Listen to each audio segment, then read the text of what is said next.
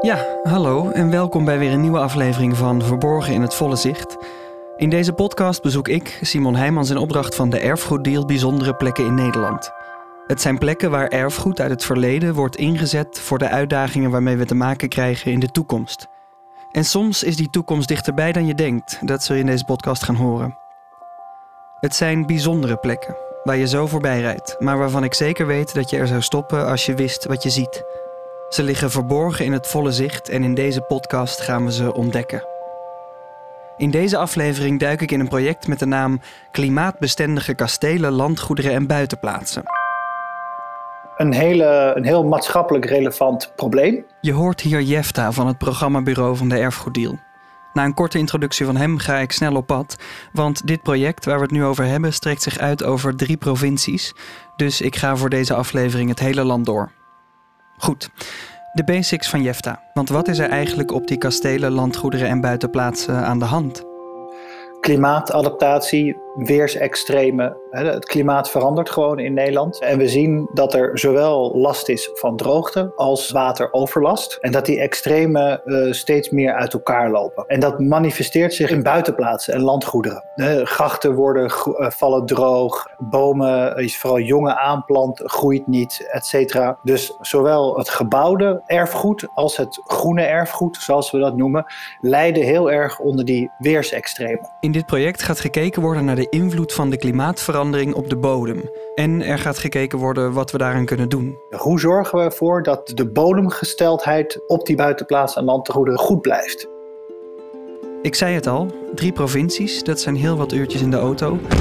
En uiteindelijk zullen we erachter komen dat de problematiek op al deze plekken precies hetzelfde is. Dat kan dus geen toeval zijn.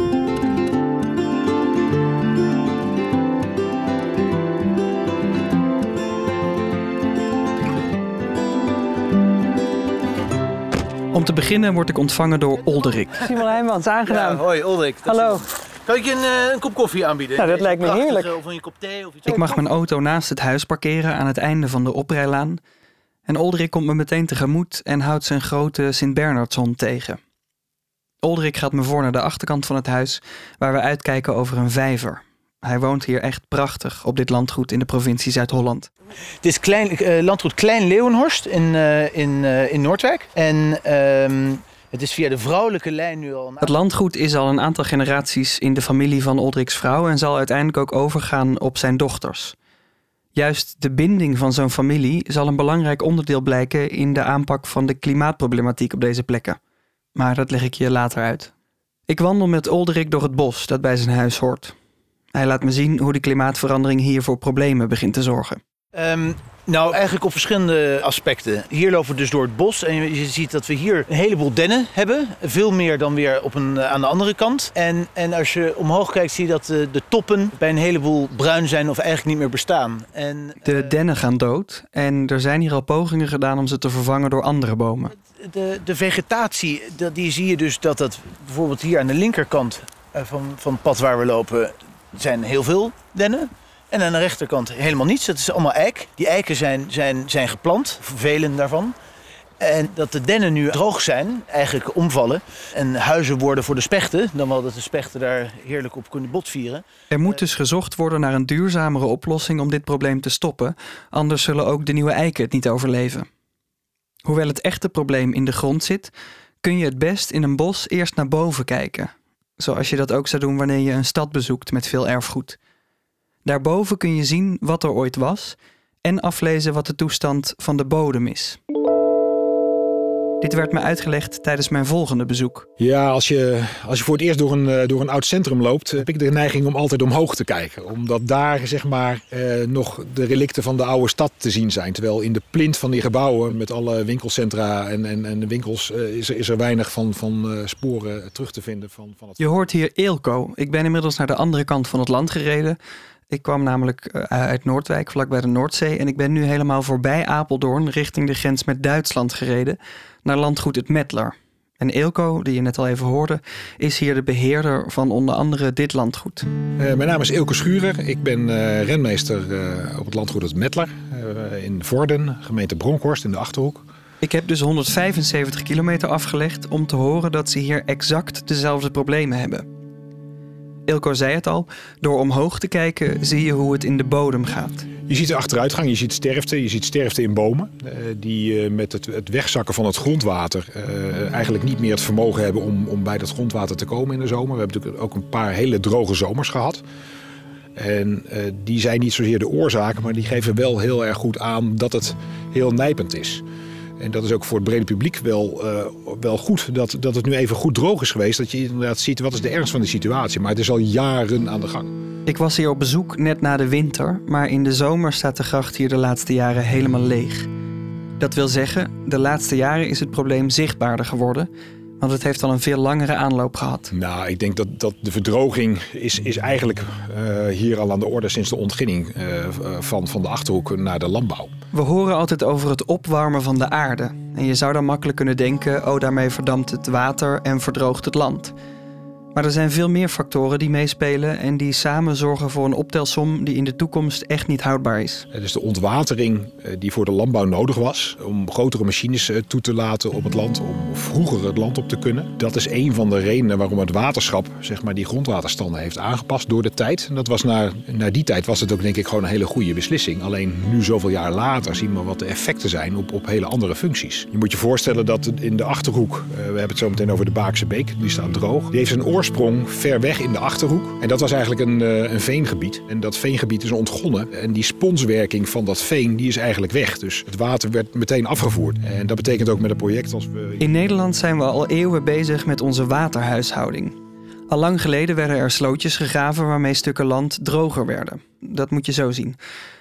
Als je om een stuk land heen een sloot graaft, ligt de grond daar dieper. Als je dan in die vers gegraven sloot tegen de zijkant van het stuk land aan zou kijken, dat nu dus hoger ligt, dan komt het grondwater eigenlijk uit die zijkanten gelopen, omdat water altijd naar het laagste punt stroomt. Want zo gaat het met water, dat loopt van hoog naar laag. Die spons, die het weiland eigenlijk is, loopt nu via de zijkanten leeg. Die slootjes werden dan weer aangesloten op andere waterwegen en zo kun je land, dat ooit te nat was om erop aan landbouw te doen, nu gaan gebruiken. Dit is een voorbeeld in het klein, maar we zijn ook op grotere schaal al eeuwen ingesteld op het zo snel mogelijk afvoeren van water. Zoals hier in de omgeving van het Medler met de Baakse Beek. Ja, een beek is natuurlijk, die, die meandert in het, eh, in het meest optimale geval door het landschap heen. En zoekt zelf zijn weg. En, en een eh, gekanaliseerde beek, de Baakse beek zoals die nu is, is gewoon een rechte lijn. En ook bedoeld om het water af te voeren. Dus dat was gewoon de, de hoofdfunctie van we moeten dat water kwijt. En in dit systeem wat we nu weer gaan aantakken is van hoe houden we het water vast? Hoe houden we zoveel mogelijk water in dit gebied? Zodat het in het gebied weg kan zakken en daarmee het grondwaterpeil eh, kan voeden. Meanderende beken, stromen en rivieren zijn door de mens vergraven tot strakke lijnen door het landschap. Het zijn eigenlijk snelwegen waarmee we het regenwater afvoeren richting zee. Zouden onze waterwegen nog kronkelen, dan duurt die afvoer langer. Je zou het kunnen zien als een weg met heel veel bochten. Daar staat eerder file dan op een snelweg. Als dat water dus figuurlijk in die file zou staan, heeft het meer tijd om opgenomen te worden door de bodem en zou ons grondwaterpeil dus hoger blijven. Het gaat er dus niet om dat er meer water verdampt of dat het minder regent. We zijn er gewoon te goed in geworden om water snel af te voeren. Dat kwam ook nog eens in een stroomverstelling na de Tweede Wereldoorlog tijdens de wederopbouw. Ja, met de beste wetenschap ook van, van mensen van toen. Het is, ook, het is ook helemaal geen disqualificatie dat men dat gedaan heeft. Dat was ook heel erg nodig. Alleen eh, voortschrijdend inzicht leert dat, dat eh, het ook anders kan. En we hebben natuurlijk ook de, de, de middelen, niet alleen de techniek, maar we hebben natuurlijk ook geld. Hè. Vergeet dat niet, na de oorlog was er natuurlijk niks. We kunnen en moeten iets doen aan die te lage grondwaterstand. Het is namelijk pas het begin van heel veel problemen. En we zitten nu op een kantelpunt. Het is, die verdroging is al jaren uh, aan de gang. Maar er is, er is wel een kantelpunt. Ik denk met die drie droge zomers op rij gaat het opeens echt veel harder hier met de, met de bomensterfte. En waar je dat bijvoorbeeld heel goed aan kan zien, dat zijn uh, uh, sparren. De oude kerstboom van, van vroeger. Die sparren krijgen niet genoeg water uit de grond. Dat heeft als effect dat de stroom van zijn, van zijn sappen in zijn stam dat die niet optimaal is. Een boom heeft hars. Ja, hars. Dat is dat plakkerige spul dat je wel eens uit bomen ziet lopen of dat nog aan, aan een plank zit. Die plakkerige laag in de boom dient als een bescherming tegen kleine beestjes die zich in de boom willen nestelen of voeden. Uh, bastkevers, kevers die een gaatje boren in de bast om zich daar te voeden. En normaal gesproken zou die boom in staat zijn om met die hars dat beestje eruit te werken. Maar omdat die stroom in die stam niet goed loopt, omdat het te droog is, kan die zich niet verdedigen en krijgen die bastkevers de overhand. En dat is inmiddels zo erg dat in Nederland eigenlijk alle sparren uh, ten dode zijn opgeschreven of al dood zijn. Ik herhaal dit nog maar even. Alle sparren in Nederland zijn ten dode opgeschreven of zijn al dood. Dat is in het buitenland nog veel erger. Als je naar het Sauerland gaat in Duitsland uh, met de snelweg, je kilometers lang uh, bos sterft. Het is onvoorstelbaar en dat is een direct effect van de verandering van het klimaat, van, van het droger worden. En dat er dan zo'n kevertje komt om er gebruik van te maken, ja, dat is uiteindelijk de nekslag voor die boom. Het is dus een probleem dat op veel meer plekken speelt. Maar waarom is er dan een project gestart om dit in Nederland juist via de landgoederen, kastelen en buitenplaatsen te gaan aanpakken?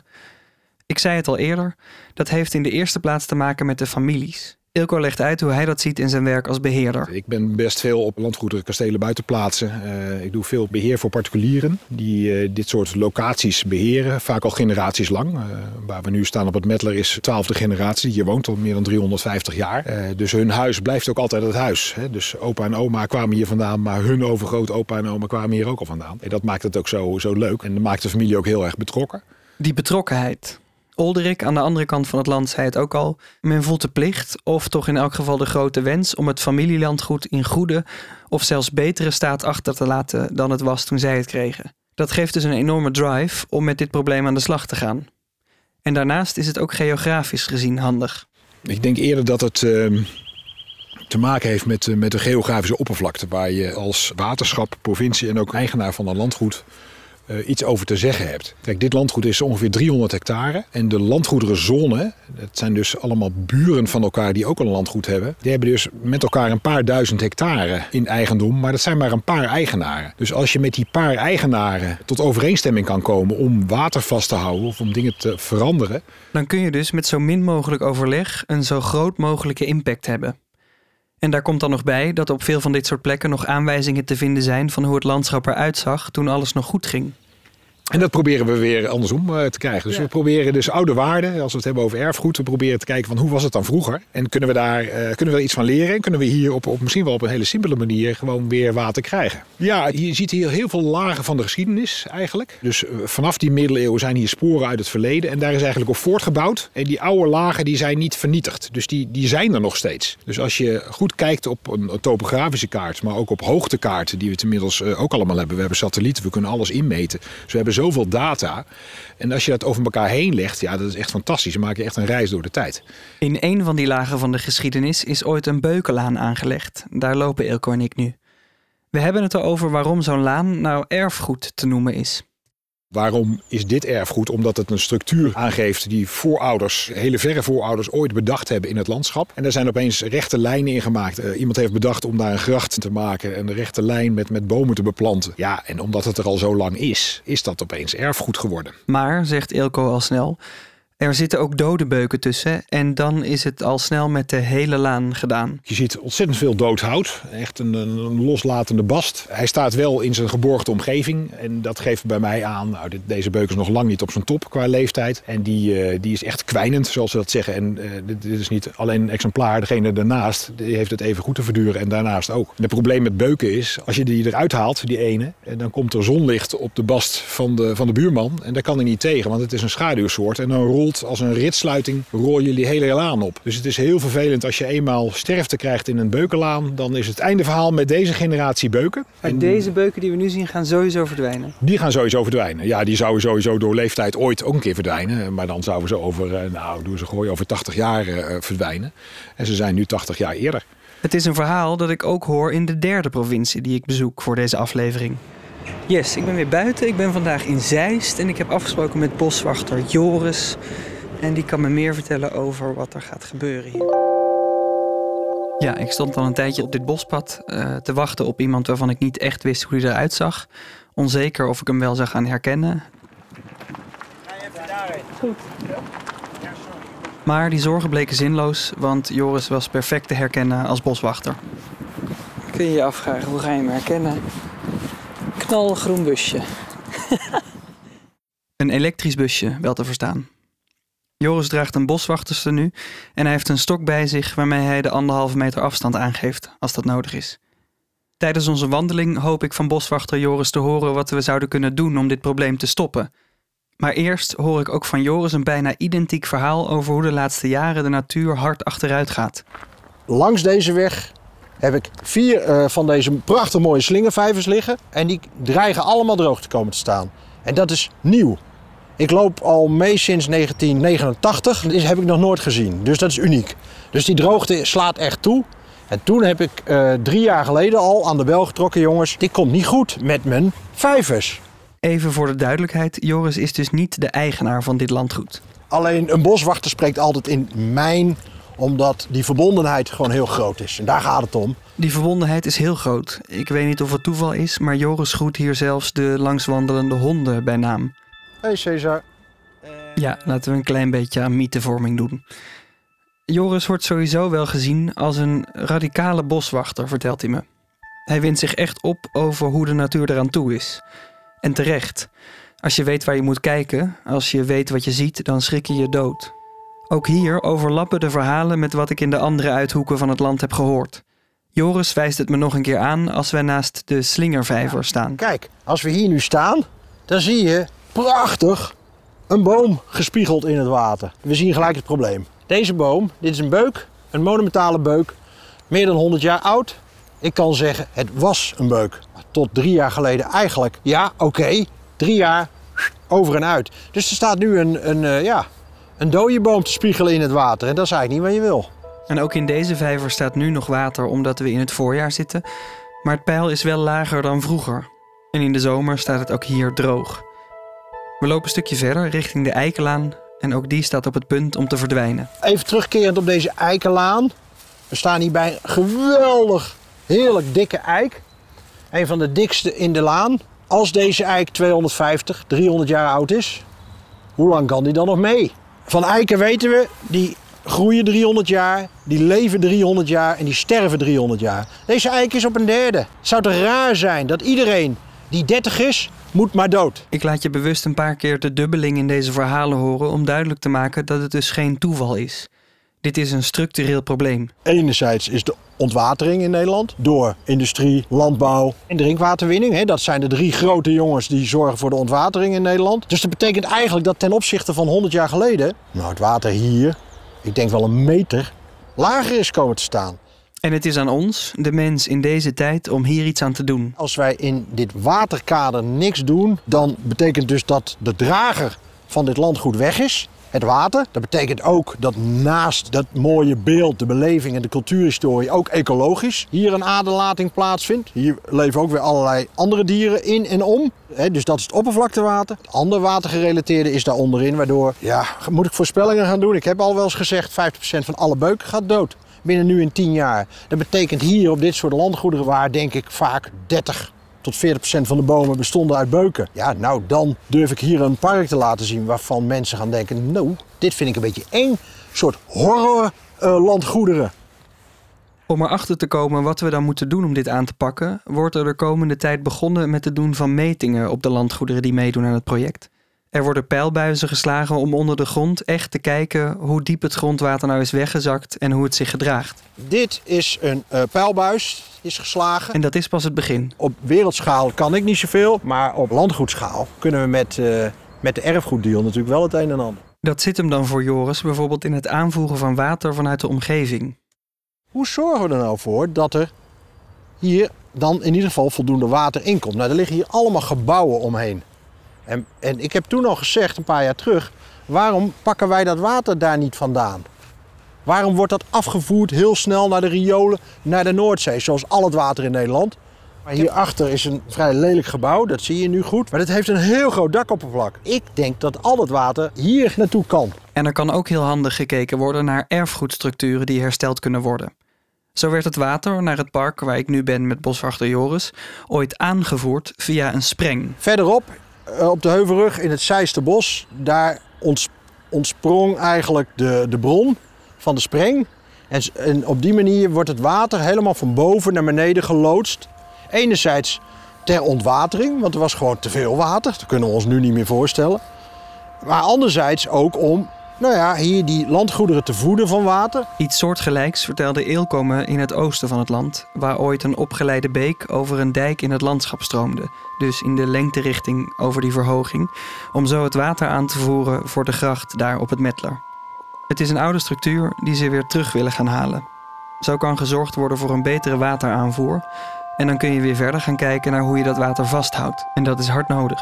Maar dat wisten we 50 jaar geleden al. 50 jaar geleden kwam de Club van Rome bij elkaar. En toen werd er al gepraat over de problematiek waar we nu mee te maken hebben. Gelukkig zijn er nu boswachters, rentmeesters en families die aan de slag gaan met de landgoederen. En Joris heeft ook nog een paar tips voor dingen die jij zelf kunt doen. En dan kom ik bij mijn gevleugelde uitspraak die ik van mijn eh, leidinggevende nooit mag doen. Ik heb net al genoemd, we zouden niet meer moeten vliegen. Autorijden. Er zijn nog twee belangrijke pijlers die we missen. Stoppen met vlees eten en zuivel. En een vierde, die niemand leuk vindt, stoppen met kinderen krijgen. Ja, dat is misschien heel wat. Maar het begin van wat je zelf kunt doen is gelukkig simpeler. Ga naar buiten. Belangrijk is wat, wat je hier kunt doen, is vooral genieten. En vertellen hoe mooi eh, de natuur eigenlijk is. En hoe mooi dit soort landgoederen eigenlijk zijn. En leren. Ik denk dat er een, een wereld te winnen is dat alleen genieten zou denk ik niet genoeg moeten zijn hier. Volgens mij moet er ook geleerd worden dat dit belangrijk is. Dat we dit allemaal kwijtraken uh, als we niks doen. Dus ja, die opdracht is niet zo moeilijk. Helemaal met corona nu niet. We hebben allemaal tijd om naar buiten te gaan. Vernachel de boel niet. Blijf netjes op de paden. Geniet en leer. Ga naar buiten. Kijk om je heen. Geniet. En kijk af en toe naar boven, naar de toppen van de bomen, om jezelf daaraan te herinneren wat er in de bodem gebeurt. Je luisterde naar Verborgen in het Volle Zicht, een podcast van Simon Heijmans in opdracht van de Erfgoeddeal. Muziek in deze podcast is van Amir Vahidi en de audiomix werd gedaan door Sam Huisman. Wil je meer weten over wat de Erfgoeddeal doet? Kijk dan op www.erfgoeddeal.nl.